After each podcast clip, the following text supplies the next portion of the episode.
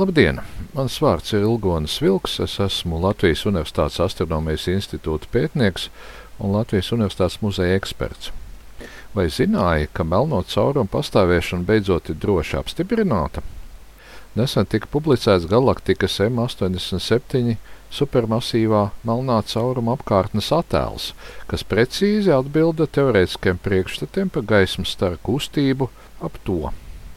Pats melnais caurums nebija redzams, jo, kā jau rāda nosaukums, tas ir melns. Iepazīsimies ar šiem neparastajiem dabas veidojumiem tuvāk.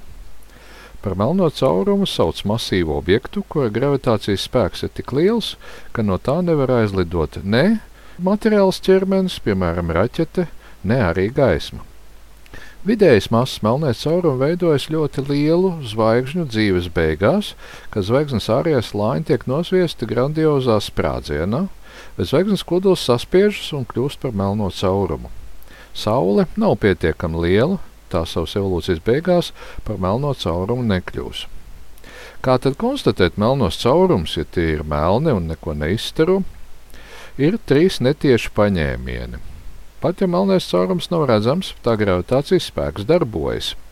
Ja tas ietilps dubultsistēmā, kuras otra sastāvdaļa ir normāla zvaigzne, melnais caurums ietekmē zvaigznes kustību.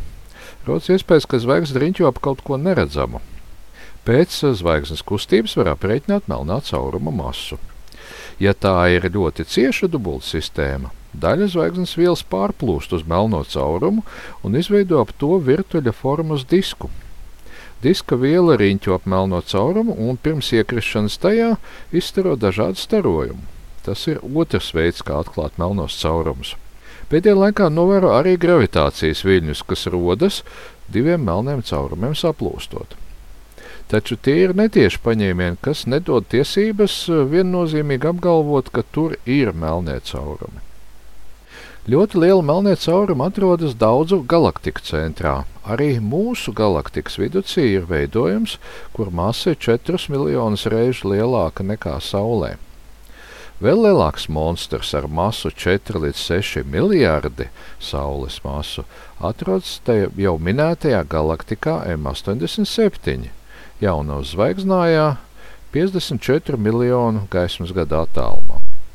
Tieši tam pievērsa uzmanību notikuma horizonta teleskopa pētnieka komanda, kas ar astoņiem visā pasaulē izvietotiem radioteleskopiem to novēroja vairāku gadu garumā un konstruēja tā apkārtnes attēlu, parādot gaismu, kas kustas apkārt melnēm caurumam.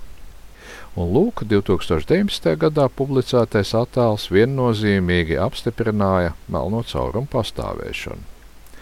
Šī pati astronoma komanda tuvākajos gados plāno izveidot filmu, ja tā var teikt, par melno caurumu mūsu galaktikas centrā.